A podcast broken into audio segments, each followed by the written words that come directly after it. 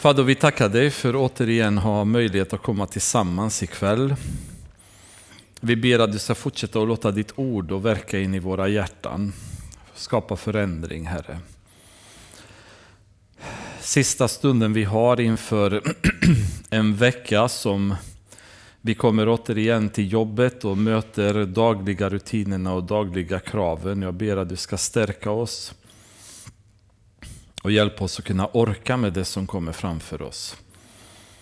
Ge oss styrka i din heliga Ande, Herre, så att allting känns hanterbart. Så att oket blir lätt, Herre. Oket blir milt, bördan blir lätt. Jag ber i Jesu namn, Fader, att du ska välsigna var och en som har tagit sig hit ikväll. Låta eh, den här stunden vara till verkligen andlig välsignelse för alla som är här, alla som lyssnar på nätet och som längtar efter att få höra ditt ord. Låt det vara ditt ord de hör, Herre. I Jesu namn. Amen. Vi slutade förra gången i Första Moseboken kapitel 22 och sen eh, slutade vi med vers 19. Så en liten, liten bit av kapitel 22 har vi kvar och det är inte så mycket mer i 22an än en genealogi bara, en liten beskrivning av Nahors släkttavla. Och då började det med att säga, sedan berättade man, man för Abraham och sade, också Milka har fött barn åt din bror Nahor. Us hans förstfödde och Bus. Alltså de, de är två känns... Svårt att läsa deras namn på svenska utan att man skrattar. Då. Us och hans förstfödde och Bus hans bror och Kemuel Arams far. Samt Kesed, Hasso, Pildash, Jidlaf och Betuel. Betuel blev far till Rebecka. Dessa åtta födde Milka åt Abrahams bror Nahor. Rebecka kommer vi möta sen i nästa kapitel, kapitel 24. Hans bihustru som heter Reuma födde Teba, Gaham, Tahash och Maka.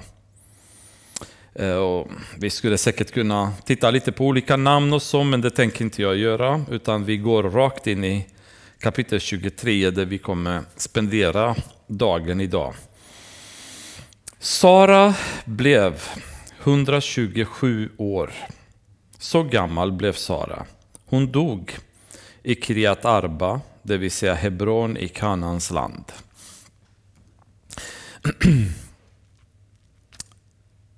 I, I och med den här döden så har vi vad vi kallar för första patriarkdöden. Och patriarkerna de börjar med Abraham och Sara och så fortsätter de vidare med Isak, Rebecka, Jakob, Rakel, Josef och hans söner. Då, och där tar patriarkernas tid slut. Och Sara är den första utav patriarkerna nu som dör. Och det som är intressant, det enda kvinnan i Bibeln vars ålder anges vid döden. Bara sådana här intressanta observandum då som alltid har en mening och ibland kanske hittar vi den meningen, ibland så hittar vi inte det. Men det är intressant att veta att det enda som, som har en ålder som anges vid döden, 127 år var hon när hon dog. Men vid det här laget så verkar det som att Abraham har flyttat nu från Beersheva där han var innan, flyttat tillbaka till Hebron då, i Kanans land.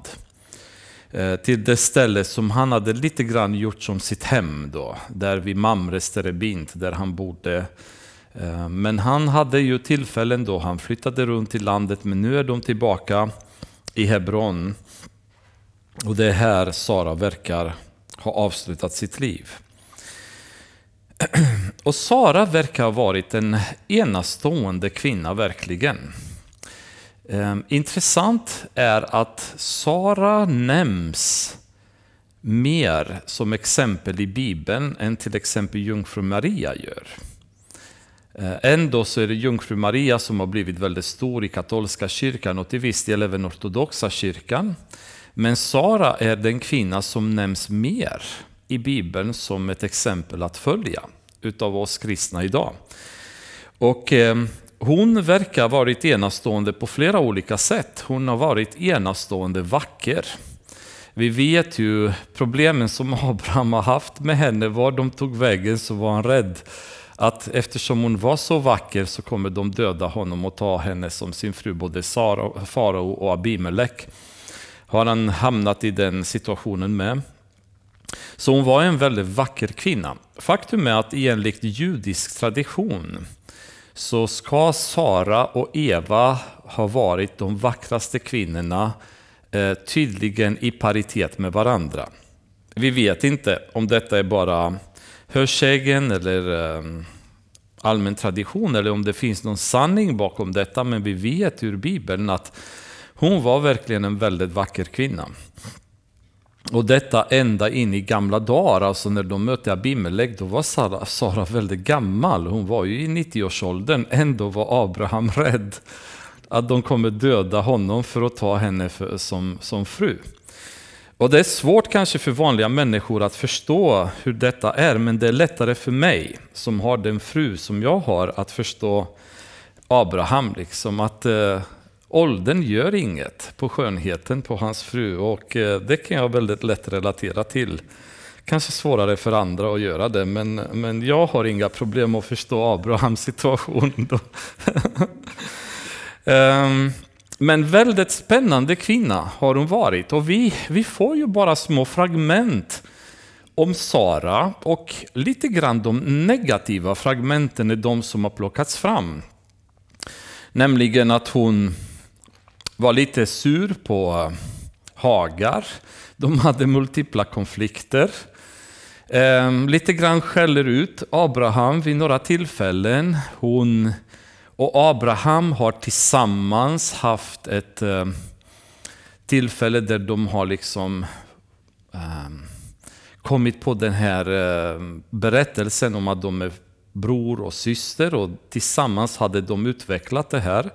Sen om det var Abraham kanske som hade fått henne in på detta eh, eftersom han var rädd att han skulle bli dödad eller inte, det vet vi inte exakt hur det funkade men det finns ju flera situationer när, när vi kanske läser av att, att hon har haft lite negativa eh, aspekter i sitt liv och därför blir man lite grann chockad. När man läser Hebreerbrevet kapitel 11 och vers 11 där det står att genom tron fick även Sara, som var ofruktsam, kraft att bli mor till en ett, fast hon var överårig. Hon tänkte att den son som hade gett löftet var trofast. Alltså hon tänkte att den som hade gett löftet var trofast. Och sen hoppar vidare till vers 13. I tron dog alla dessa utan att ha fått det som var utlovat. Och plötsligt så får vi en helt annan bild över Sara. För att vi pratar om de här tronsmännen, vi pratar om Noa där, vi pratar om Abraham, sådana som har varit eh, starka i sin tro. Abraham blir trons fader för oss. En vän med, med Gud genom sin tro. Men Sara beskrivs också som en stark troskvinna. Och det är kanske inte riktigt den bilden vi får när vi hör Sara skratta åt Gud när han kommer och besöker Abraham och säger att om ett år så ska hon ha en son. Då står hon i tältöppningen och skrattar och vi tycker att bara, ah, hon fattar inget. Men denna kvinnan hade en oerhört stark tro på så, på sån nivå så att hon hamnar bland troslegenderna i Hebreerbrevet kapitel 11. En, inte bara en enastående vacker kvinna, en enastående troende eller trostark kvinna. Och det är väldigt spännande att se att att hon måste varit något speciellt med då. Att hon nämns i Hebreerbrevet kapitel 11. Hennes ålder, hon är den enda kvinna i Bibeln som nämns med ålder när hon dör. Men ehm, det måste ha varit också så att hon hade verkligen förstått djupet av Guds löfte. Hon hade sett löftet i Jakob, hon hade sett Jakob föddas, men hon fick aldrig möjlighet att se det som resulterade av Jakobs födelse, det vill säga det stora folket som skulle spridas över hela jorden, som skulle vara otalig så det skulle vara omöjligt att, att räkna. Men också alla kristna människor som kommer som ett resultat av Jesu födelse och kommer som genom tron att bli barn till Abraham, därmed också barn till Sara. Men detta löfte hade hon trott på. Och det är spännande att förstå att både hon och Abraham de trodde väldigt starkt på att det löftet kommer infrias. Eh, så många tusentals år till, eh, fram i tiden, men det infriades sen. När församlingen kom till, till, eh, i sin existens och tillsammans med judarna blev alla Abrahams barn då trosbarn som Paulus definierar så mycket. Så hon hade den här starka tron med sig. Och det ser vi inte så tydligt när vi har läst igenom de bitar vi har läst i Gamla Testamentet. Men uppenbarligen så var hon en oerhört stark kvinna i sin tro. Men också en enastående ödmjuk person var hon faktiskt. Ehm, Petrus beskriver henne i kapitel 3. I ehm, första Petrusbrevet, kapitel 3, kan vi öppna där.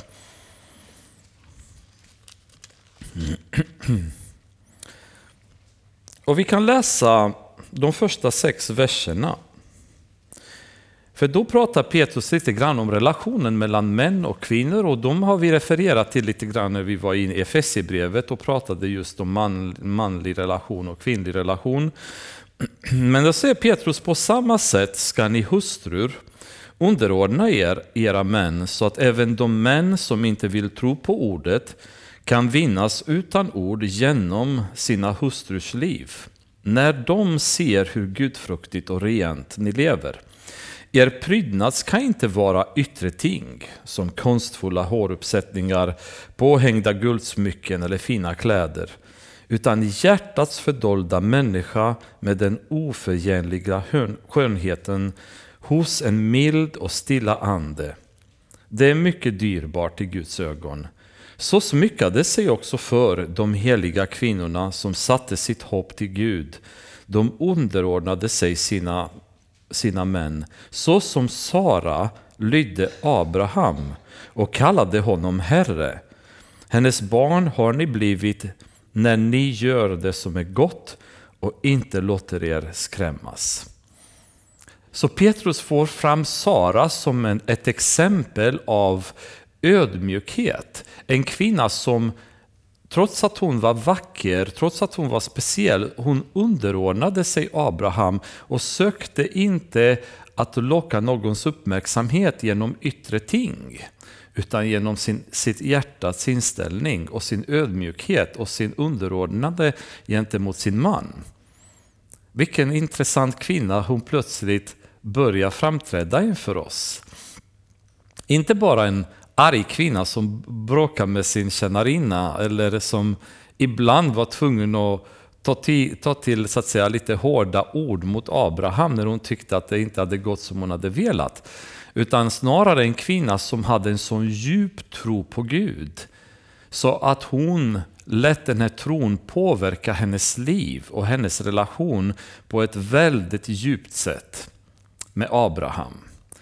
Och eh, det är ganska spännande att just Sara plockas fram som ett sådant exempel. Därför att det är inte alltid lätt att se det när man läser om henne i Gamla Testamentet denna speciella kvinna som hade blivit ett så starkt exempel och blivit moder till alla trons kvinnor. På samma sätt som Abraham blir trons fader för oss så blir Sara som en moder för alla kvinnor att följa hennes exempel. Intressant att Petrus tar just Sara som ett exempel. Men vi hamnar i den här igen med tron och hur mycket, eller hur viktig tron har varit för både Sara och Abraham och hur mycket tron hade format dem i sin relation med Gud. Och hur mycket tron har utvecklats i dem allt eftersom de har vandrat med Gud. För tron är ju det beviset som vi behöver så att säga prövas med. Det är genom tro som vi vi kommer till frälsning och det är genom tro som vi sen kan vandra tillsammans med Gud.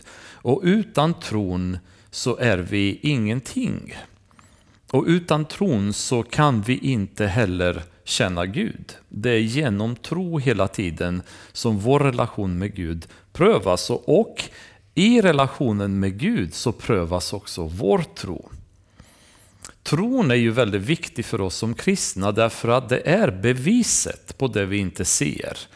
Och genom tron så kan vi gå fram. I första Johannesbrevet kapitel 5 kan vi läsa vers 3-4.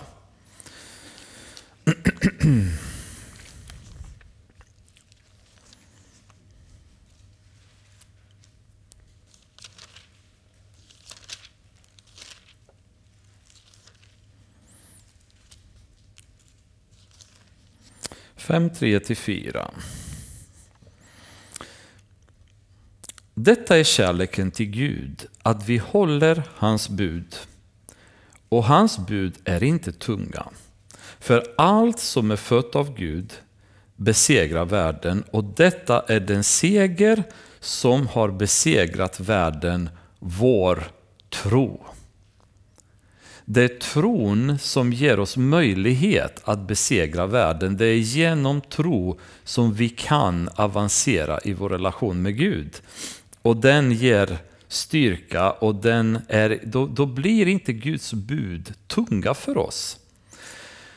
För tyngden i relationen med Gud, eller det jobbiga i vår vandring med Gud, beror allt som oftast på att vi tappar tron.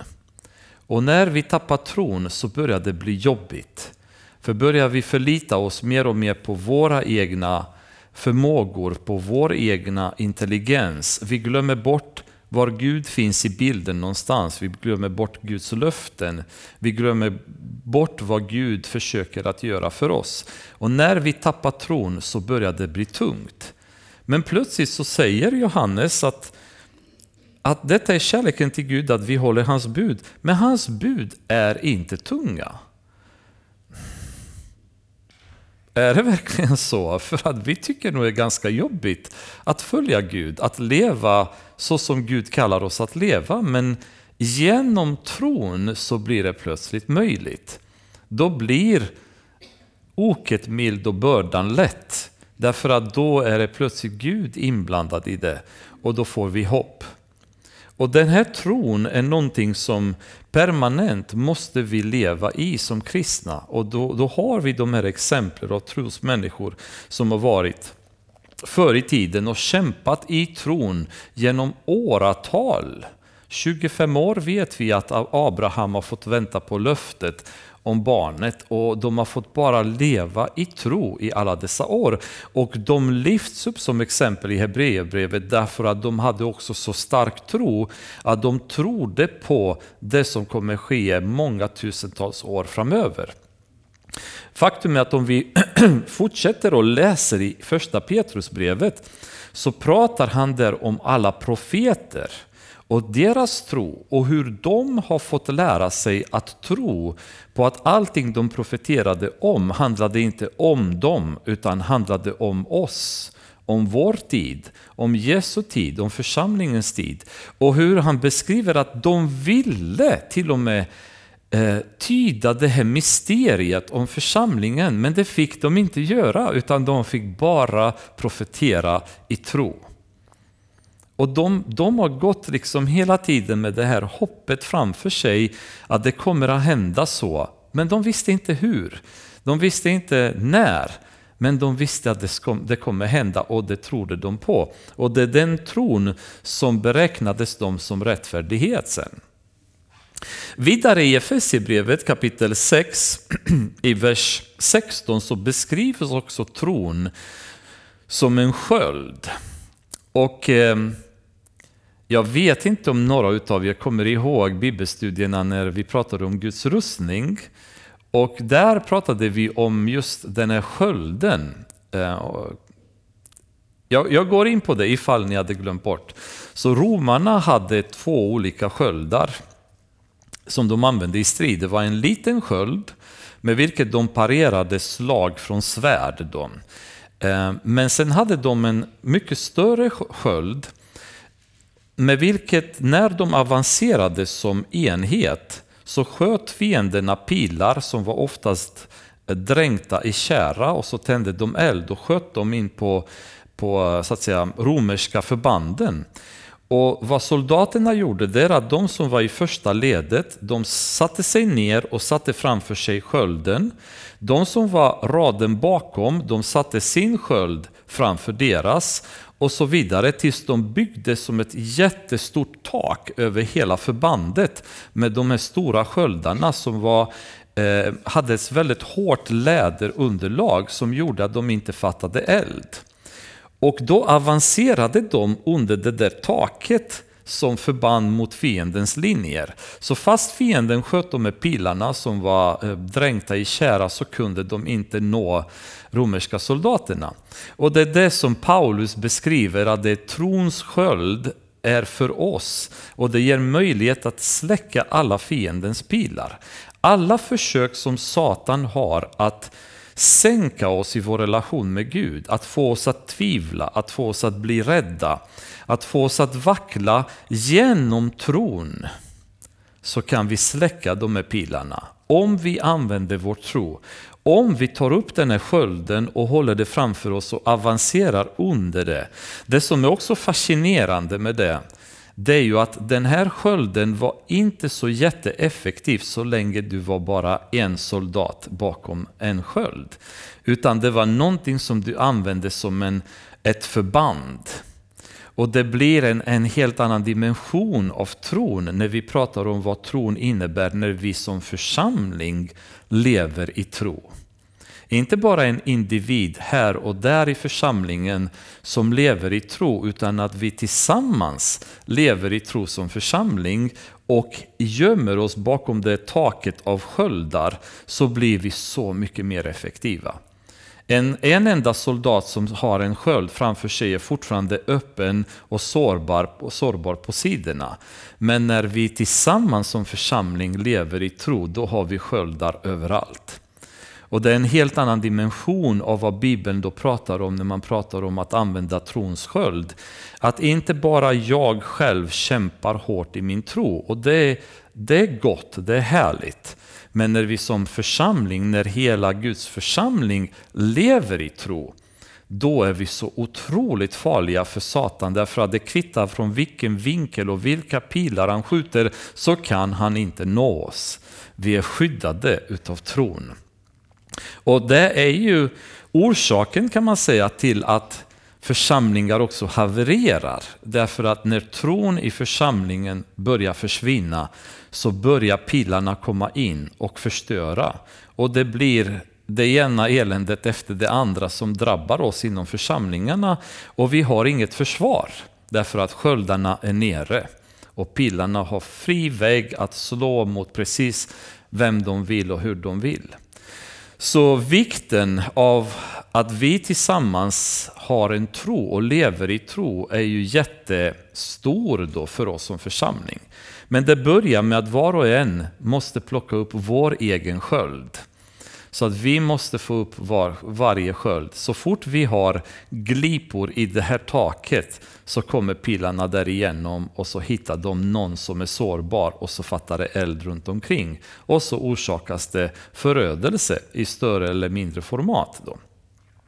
Så det är ju jätteviktigt att vi inte glömmer bort Efesierbrevet kapitel 6, just den här rustningen.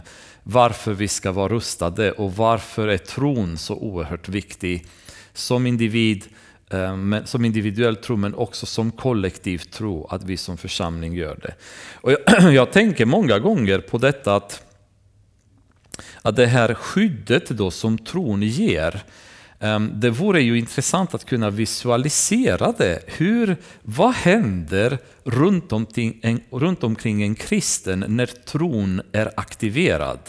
Hur ser vi ut i den andliga världen när vi lever i tron och hur ser vi ut när tron, när skölden är nere? Eh, om man skulle kanske få den här visualiseringen så kanske skulle vi förstå ännu längre varför tron är så viktig. Hur, hur oskyddade och hur svaga vi blir när tron inte finns jämfört med att tron finns. Men vi kan bara föreställa oss alla andliga strider som vi går igenom Eh, från exemplen som finns i Bibeln när Gehazi får möjlighet att se armén av änglar runt omkring, då, då, då fattade han varför Elia inte var stressad och inte var agiterad och inte var rädd. Ehm, Elia fick möjlighet att i tron se detta, men han bad Gud att låta Gehazi se med sina vanliga ögon därför att han hade ingen tro.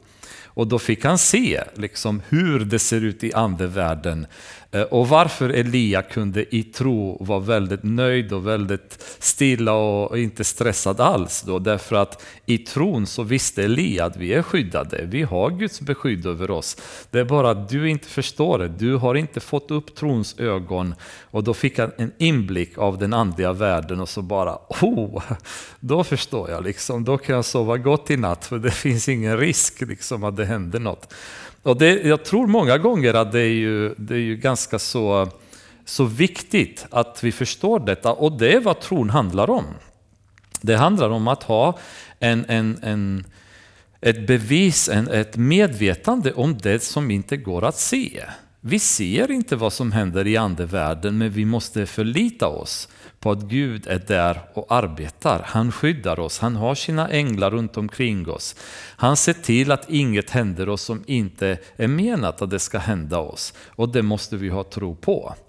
Ehm, och när vi kommer i situationer där där vårt tal inte räcker till, där vår vishet inte räcker till, då måste vi förlita oss på att Guds heligande kommer tala igenom oss. Han kommer ge de rätta svaren. Han kommer lä lägga rätt ord i våra munnar när vi möter kritiska situationer, när vi hamnar i förföljelselägen och så vidare. Då måste vi ha tro för det. Vi kan inte vara där och vara stressade och agiterade och tänka oj, vad ska jag säga? Jag har inte förberett mig inför detta och nu ska jag upprepa mitt tal. Nej, utan då får vi lita på att Herren kommer eh, uppfylla sina löften. Då.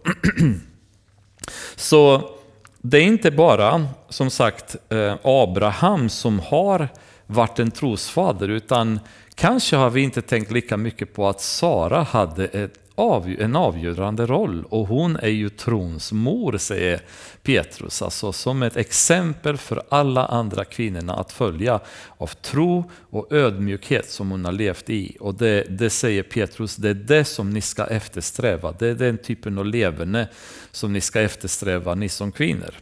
Så ehm, jag hoppas att ni fick en liten um, lite tydligare bild av hur Sara var som person. För mig var det lite sådär när jag satte mig och började leta i Bibeln var man pratade om Sara så var det som att bara, hmm, för min känsla när vi gick igenom texten var bara hon var lite så ilsk hela tiden. Hon var irriterad på sin tjänarinna och hon skällde ut Abraham med jämna mellanrum och sådär. Och, och sen plötsligt så får den här presentationen att så här var Sara, oj, det var en helt annan bild av en mycket stark kvinna och väldigt ödmjuk.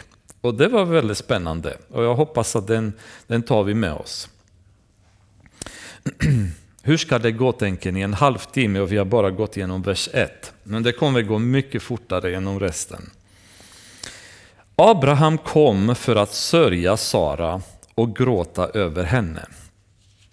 Man vet inte riktigt hur länge de har varit gifta, men de kan ha varit gifta, gifta redan kanske uppemot hundra år, möjligtvis. Så ett väldigt långt äktenskap då, som nu tog det slut. Och Abraham, han sörjde över hennes död. Och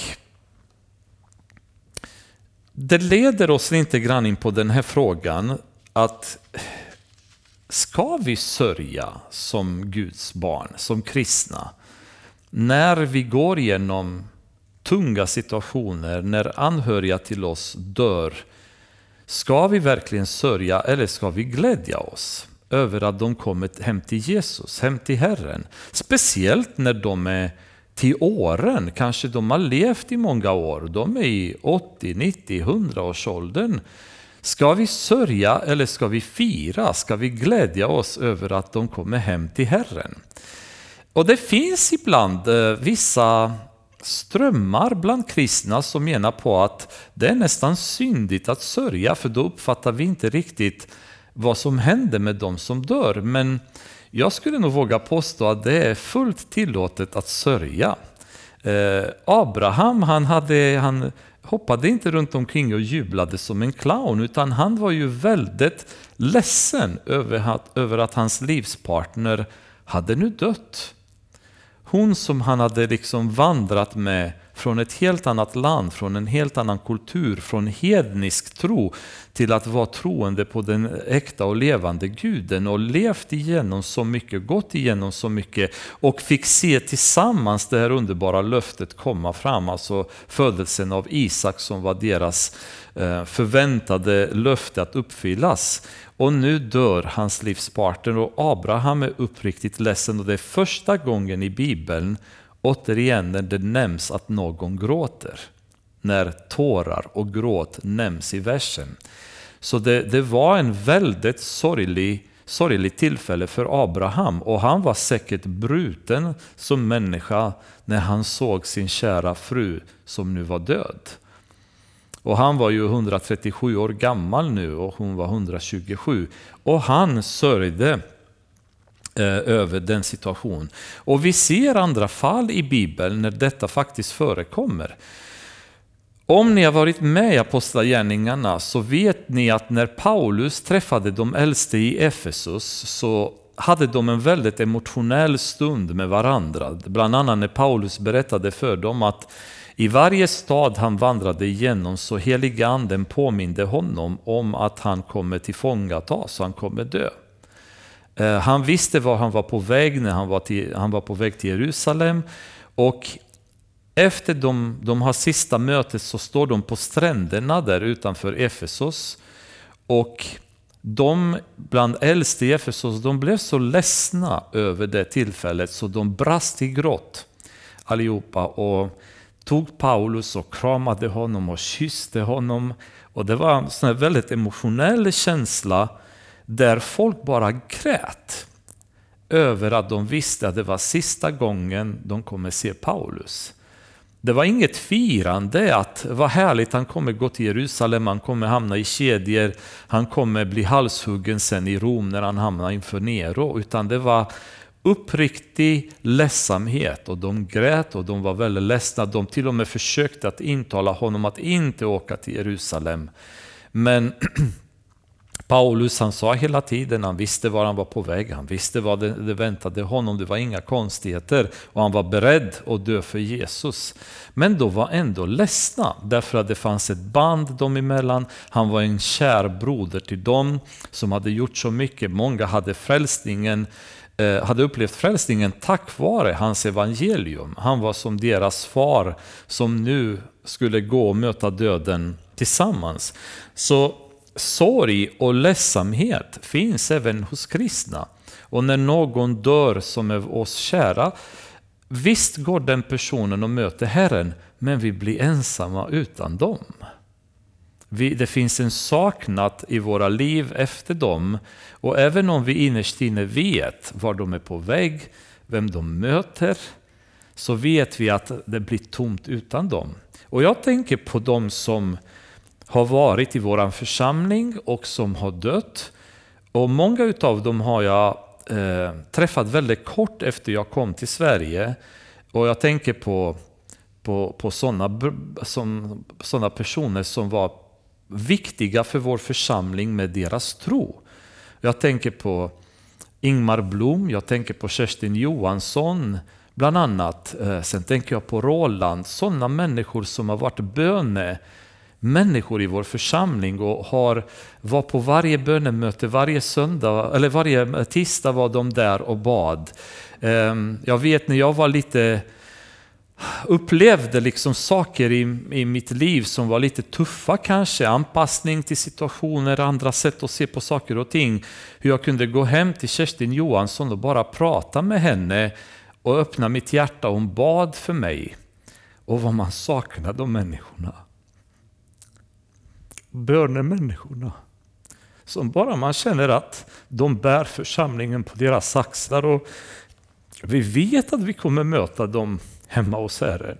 Men just så, vi saknar vi dem jättemycket.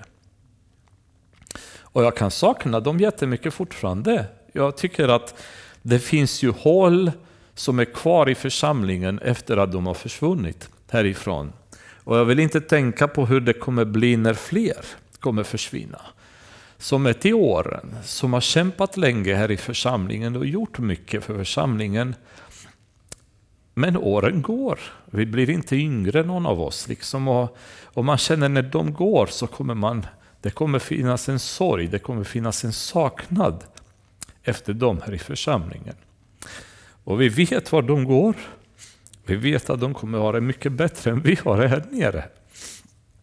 Men vi kommer sakna dem och det kommer vara en sorg efter dem här i församlingen. Och det, det tror jag var en sånt här tillfälle för Abraham där han bara kände att vad har hänt liksom? Hon som han hade vandrat med hela sitt liv var död nu. Men vår sorg är inte hopplös och det är ju det, det underbara med oss kristna att vi kan sörja men finna glädje och finna tröst ändå i vår sorg. Och vi öppnar i första Thessalonikerbrevet kapitel 4. Thessalonikerbreven är väldigt häftiga och, och kyrkan i Thessalonike är ju en församling som Paulus har så fruktansvärt mycket gott att säga om hela tiden. Eh, någon gång kanske vore kul och gå igenom breven också. Väldigt hoppfulla brev, väldigt glada brev. Men i första Thessalonikerbrevet kapitel 4 och vers 13 kan vi börja läsa. Så säger Paulus så här, bröder, vi vill att ni ska veta hur det blir med dem som har insomnat, så att ni inte sörjer som de andra, de som inte har något hopp. Eftersom vi tror att Jesus har dött och uppstått så ska Gud på samma sätt genom Jesus föra fram de insomnade tillsammans med honom. Vi säger er detta enligt ett ord från Herren.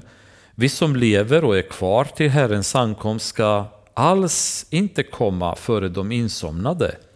När en befallning ljuder, en ärkeängels röst och en Guds basun då ska Herren själv komma ner från himlen och de som har dött i Kristus ska uppstå först. Därefter ska vi som lever och är kvar ryckas upp bland skyar tillsammans med dem för att möta Herren i rymden och så ska vi alltid vara hos Herren. Trösta därför varandra med dessa ord. Så det finns en sorg när människor dör. Men det finns ett tröst. Och med de här orden säger Paulus, trösta varandra med de här orden, att vi kommer tillsammans vara hos Herren. Han säger inte, ni får inte uppleva sorg, sluta gråt. Var glada, fira, ha kalas när de dör.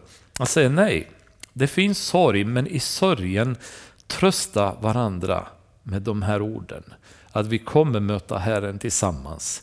Och vi kommer möta dem på väg upp till himlen. Eller kanske är det vi som kommer vara först. Om vi kommer dö innan dess så kommer andra möta oss på väg till himlen. Men hur som helst så har vi ett hopp i vår sorg. Vi sörjer inte som alla andra gör, säger Paulus i Thessalonikerbrevet. Utan det finns tröst i vår sorg. Och Abraham han sörjer, men vers 3 så står det Sedan reste sig Abraham upp från sin döda och talade med hetiterna. Och det är inte så att hetiterna satt runt omkring just när han låg och sörjde där, utan nu har det förmodligen gått en tid. I den kulturen hos judarna så brukade man sörja i 30 dagar. Så förmodligen efter de 30 dagarna hade gått så reste han sig Abraham ungefär, okej okay, nu måste jag börja mitt liv igen, nu, nu ska jag gå vidare. Så han, eh, han talade med hetiterna. Och där vill jag stanna lite grann. Ehm, första gången så nämns hetiterna i första Moseboken kapitel 15, vers 20. Och eh, de här hetiterna, de har ju trollat väldigt många vetenskapsmän genom åren och det var en stor anledning till att väldigt många ansåg att Bibeln inte var sann. Därför att det nämndes den här befolkningsgruppen i Bibeln som ingen vetenskapsman hade någonsin hört talas om.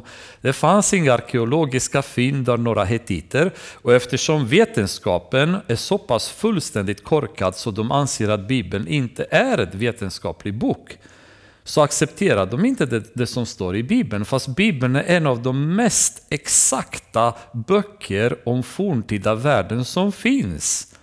Det finns ingen skrift, det finns ingen tavla, det finns ingenting som är så detaljerad i sin beskrivning av den forna tiden som Bibeln är. Men vetenskapsmännen i sin utomordentliga intelligens förnekar att Bibeln är en vetenskaplig bok. Och därmed som ansåg att Bibeln var falsk.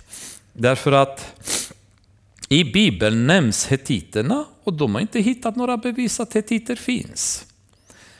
Tills 1906 när en, ehm, en tysk arkeolog gräver i en eh, turkisk stad och upptäcker 10 000 tavlor, eller man kan säga 10 000 böcker.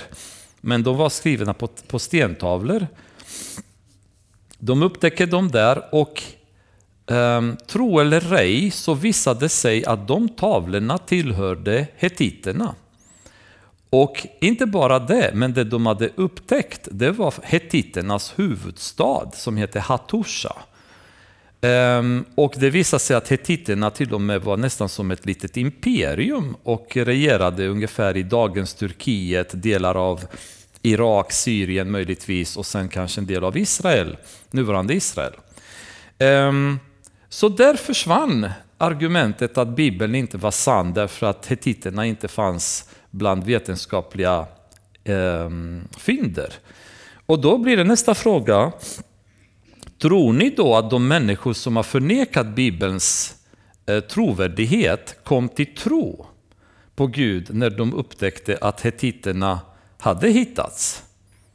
Vad är er gissning? Min gissning är att definitivt inte, därför att de här människorna inte intresserade av att tro på Gud, de är bara intresserade av att hitta någonting att ge sig på kristna med. Då. Eh, och därför är ju oftast, det är bra att kunna apologetik och kunna lite historia för att kunna argumentera för sin tro. Men min känsla allt som oftast är att det hjälper inte. Därför att de vi argumenterar mot, det kvittar hur mycket jag försöker att förklara att evolutionen är idiotisk. Att det finns ingen bev inget bevis för det. det. Man får ingen till tro, utan så fort man motbevisar en, ett av deras argument, att de, då rör de sig till något annat och så hittar de på något annat och så vidare. Så i slutändan, i slutändan de behöver, det helige anden som ska övertyga dem. För att man kan sitta med dem i all evighet och förklara och bevisa och vissa arkeologiska fynd, de kommer ändå inte till tro. Och det var ju ett sånt här fall. Jag tänkte bara vi kan nämna det som kuriosa, för hettiterna just det var väldigt länge, de sa bara vad är detta, det är påhittat folk, det finns inga bevis. Och nu är det ju självklart att de har funnits och det är mängder med bevis och det har, funnits en, det har varit en stor kultur och en stor folkgrupp. Men äh, återigen, vad hjälper det? De har ändå inte kommit till tro på grund av det. Men han började tala med hetiterna och då säger han här, jag är en främling och gäst hos er. Ge mig en egen gravplats hos er så att jag kan begrava min döda. Hetiterna svarade Abraham, Hör på oss, Herre, du är en Guds förste bland oss. Begrav din döda i den förnämsta av våra gravar.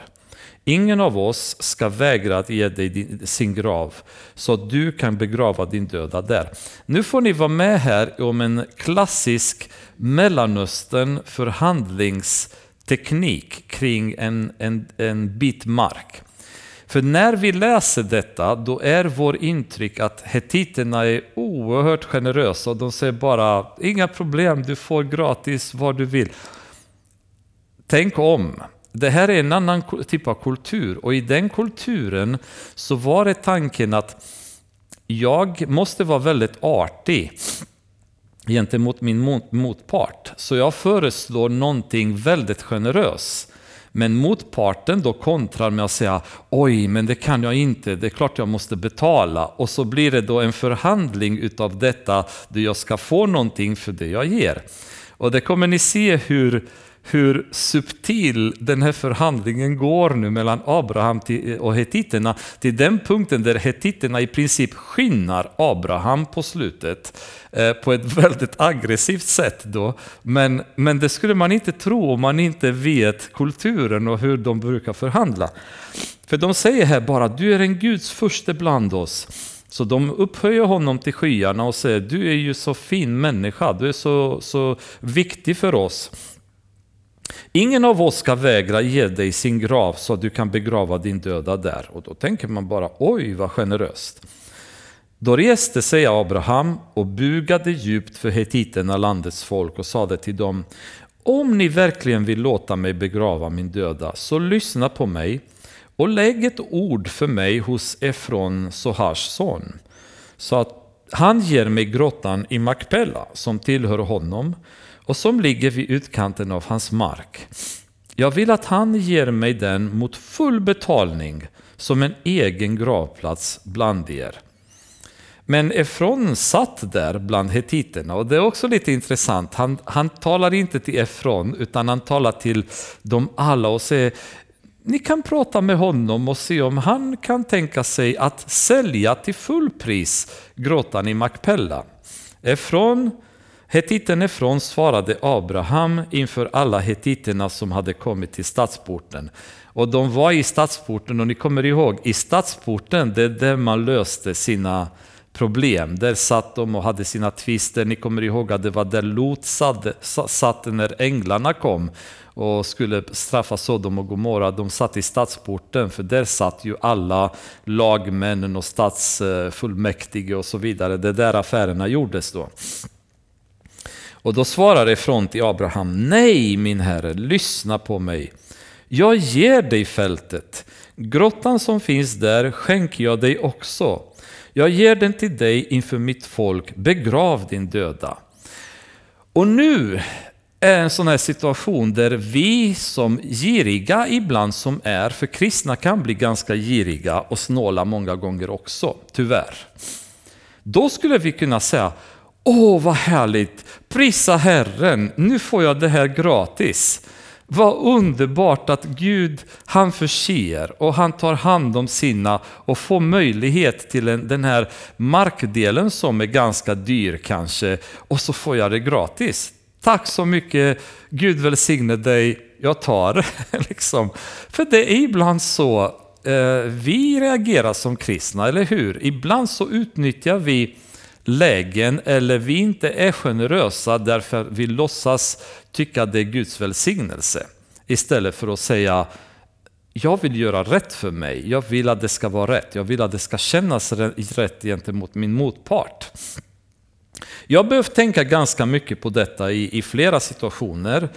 Eh, när vi till exempel gör affärer kristna med varandra, hur vi behandlar varandra i affärstransaktionen. Hur generös är jag som köper en tjänst av en annan kristen bror? Och hur generös är en annan kristen bror eller en kristen syster som genomför en tjänst för mig? Hur uppträder vi gentemot varandra i den här affärstransaktionen?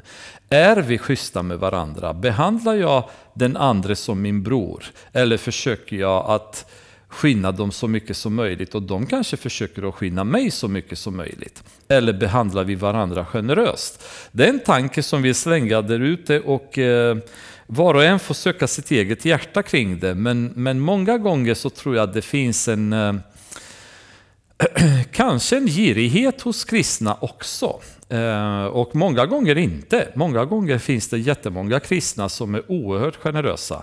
Men samtidigt så tror jag att vi behöver Eh, tänka på det här. Har jag en bror som säger jag kommer att reparera din bil eller jag renoverar ditt hus och du är min broder, du behöver inte betala något för det. Då kan jag vara en sån och säga bara åh vad härligt, Gud välsigne dig broder i Jesu namn, han ska ge dig 10 000 gånger mer. Men jag har ju pengar på banken. Jag skulle ha möjlighet att betala den här brodern för arbetet. Så varför skulle jag nyttja honom gratis? Han är ju generös och han är ju väldigt snäll. Men jag har möjlighet att också vara snäll tillbaka och säger Tack så jättemycket broder, det här kommer Gud verkligen välsigna dig för. Men jag kan faktiskt betala dig för ditt arbete och det vill jag göra rikligt. Kanske till och med mer än jag skulle betalat någon annan. Därför att du har så gott hjärta så Gud välsigne dig och han kanske kan välsigna dig genom mig och du kommer få till och med mer än du hade behövt få annars. Ni förstår tanken. Ingen försöker att utnyttja den andra utan vi försöker att vara generösa mot varandra. Jag tror att det är en, en, ett bättre sätt att leva eh, än att vi försöker att utnyttja varandra. Och, och det här är ju ett sånt här läge där, där Abraham skulle kunna få möjlighet att utnyttja det och säga bara tack, liksom, jag tar det. Jättetrevligt, jättegeneröst då. Men han svarar tillbaka.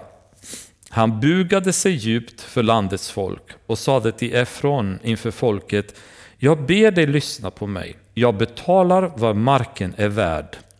Ta emot det av mig och låt mig begrava min döda där. Det vill säga, jag vill inte stå i skuld till någon av er. Utan jag vill göra rätt för mig, jag vill betala för detta. Och här, lyssna på ett underbart svar. Här ska vi lära oss hur vi kan förhandla på ett artigt sätt. Efron svarade Abraham, min herre, lyssna på mig. En bit mark värd 400 siklar silver. Vad betyder det mellan mig och dig? Begrav du din döda. Med andra ord, ska vi bry oss om att den här marken är värd 400 siklar silver? Strunt i det. Och bara känner, varför ens nämna då att marken är värd 400 siklar silver som en oerhört stor summa? Tydligen så, de forskare som hade tittat på det, de säger det är sinnessjukt belopp han hade lagt framme. För senare kommer David handla en markbit som är mycket större där han byggde templet. För de säger, tror jag, var en åttondel utav det här beloppet som Efron nämnde i förbifarten för Abraham att Ska vi verkligen bry oss om 400 siklar silver? Herre, liksom, låt, vad är detta mellan mig och dig? Vi behöver inte bry oss om det. Men i förbifarten så slänger han att det är 400 siklar silver, den är markbiten egentligen värt. Vilket tydligen är ju ockerpris till skyarna som han lägger fram för Abraham. Abraham lyssnade på Efron och vägde upp åt honom summan som han hade nämnt inför hetiterna. 400 siklar silver gångbart i handel. Med andra ord, Abraham förhandlar inte.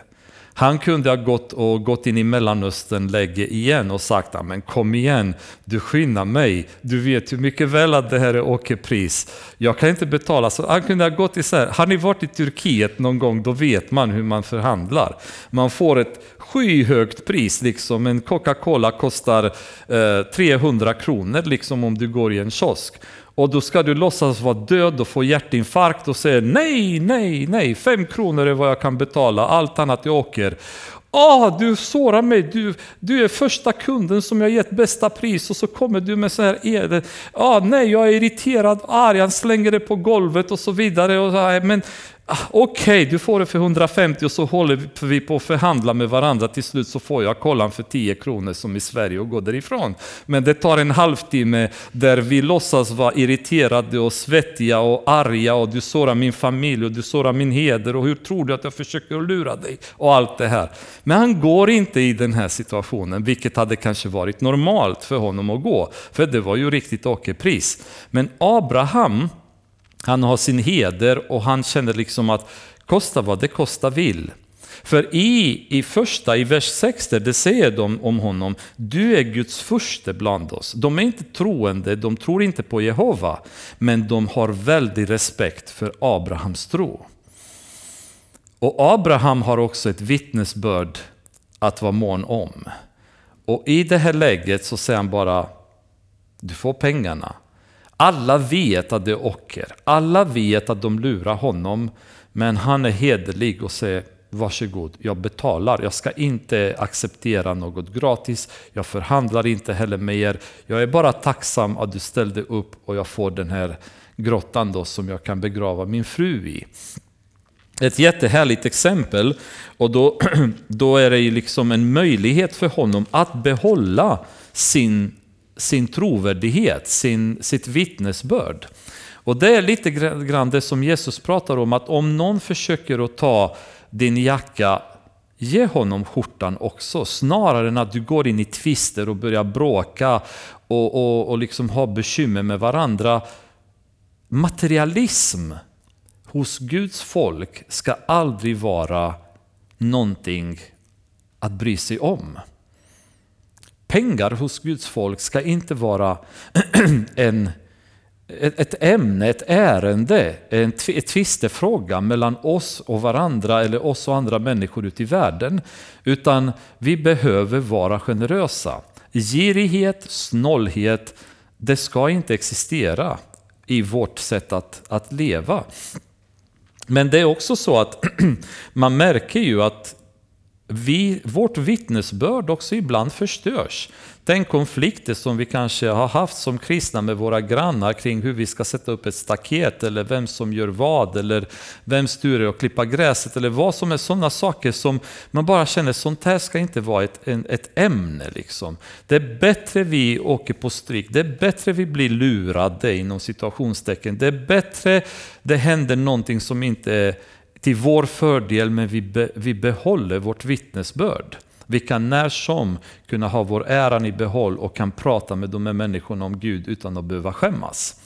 Och det, det tycker jag det känns ganska värdefullt. Och det, det har jag inte uppfattat eh, förut när jag läste det här. Jag har alltid tänkt att ah, men hittittarna var så schyssta, och, men av Abraham liksom. Men i, i själva verket så blev han riktigt, riktigt, riktigt ordentligt lurad utav hetiterna. Men han lät det vara. Han bara betalade och sen inte mer med det. God ton, goda relationer, vittnesbördet är fortfarande intakt för honom. Så överläts Efrons mark i Makpella vid Mamre åt Abraham, hela markstycket, både grottan som fanns där och alla träd runt omkring på området. Det skedde inför hetiternas ögon inför alla de som hade kommit till stadsporten. Därefter begravde Abraham sin hustru Sara i grottan vid fältet i Makpella mittemot Mamre. Så det var stället där de alltid bodde när de var i Hebron, där vid Mamre. Så mittemot det så ligger grottan. Det vill säga Hebron i Kanans land. Marken och grottan som fanns där överläts så av hetiterna till Abraham som egen gravplats. John Patton, jag vet inte om ni har hört om honom. Jag tror jag pratade lite mer om honom för många, många år sedan, månader sedan. Säkert någon gång. Eh, han var ju en, eh, en brittisk missionär som eh, in, han åkte till Nya Hebriderna med hans fru som var gravid på eh, 1858. Eh, och november 1858 så kom de till Nya Hebriderna och de, öarna var i princip bebodda, bebodda kannibaler på den tiden. Då. Och i, eh, i februari eh, 1859 då födde hans fru ett litet barn. Och eh, frun dog sen ganska omgående och 17 dagar senare så dog lilla barnet också. Och det, blev, det var han ensam där på en ö bebodd av kannibaler utan sin kära fru och utan sitt barn. Så han låg på deras grav eh, under flera nätter på grund av att eh, han var rädd att kannibalerna skulle gräva upp dem och äta upp dem. Då. Så han, han låg på graven och i princip sörjde över dem. Och då, hade, då sa han så här, hade det inte varit för Jesus och den gemenskap han gav mig där skulle jag blivit galen och hade slutat som död bredvid den här ensamma graven. Men då tänkte jag liksom det som Paulus skrev, men vi sörjer inte som de andra gör. Välsignade vår Herre, Jesus Kristi Gud och Far, i sin stora barmhärtighet, säger Petrus i kapitel 1. Har han genom Jesu Kristus uppståndelse från de döda fått oss på nytt till ett levande hopp, till ett arv som aldrig kan förstöras, fläckas eller vissna och som förvaras åt er i himlen. Och med detta skulle jag vilja avsluta. Ta det med er, liksom. det är det hoppet som vi har med oss. Oavsett vilka vi är, oavsett vad vi har gjort i livet, kommer vi att dö. Men det vi gör för Herren, det kommer bestå. Romarna hade ett motto som på latin heter memento mori. Och det betyder kom ihåg att du kommer att dö. Med jämna mellanrum i vårt liv så borde vi ha en memento mori. Liksom. När vi är i farten, när vi är upptagna av massa grejer, när vi är jätteagiterade, stressade, arga, Eh, konflikt hemma med familjen, eh, problem var som helst. Bara stanna till. Memento mori. Tänk på att du kommer dö. Och allt det här som känns viktigt för dig idag kommer betyda ingenting. Men det som du gör för Herren, allt du investerar för Herren, det kommer vara värt sen efter du har dött. Fader, vi tackar dig för detta. Tack för ditt ord och det hopp som det ger oss. Tack för att vi behöver inte sörja som andra människor, vi behöver inte leva som andra människor, utan vi har dig Herre som pelaren, som fästet, som ankaren i vårt liv.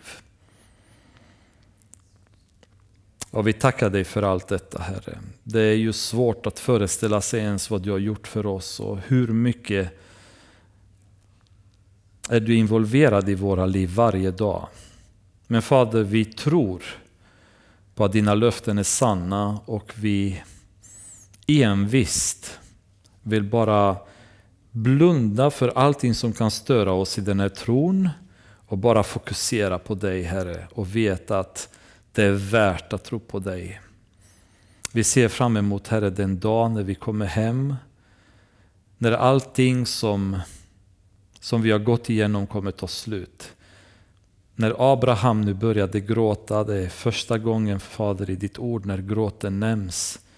Men sen finns det också en sista gång Fader i Uppenbarelseboken när du säger att alla tårar ska torkas bort.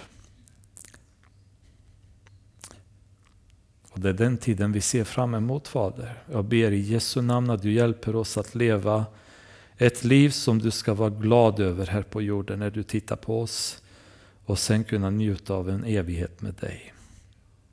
Träffa Abraham, träffa Sara, träffa alla dessa underbara människor som vi läser om, Herre. Och ha en fantastisk tid ihop med dig där uppe. I Jesu namn, Herre. Amen.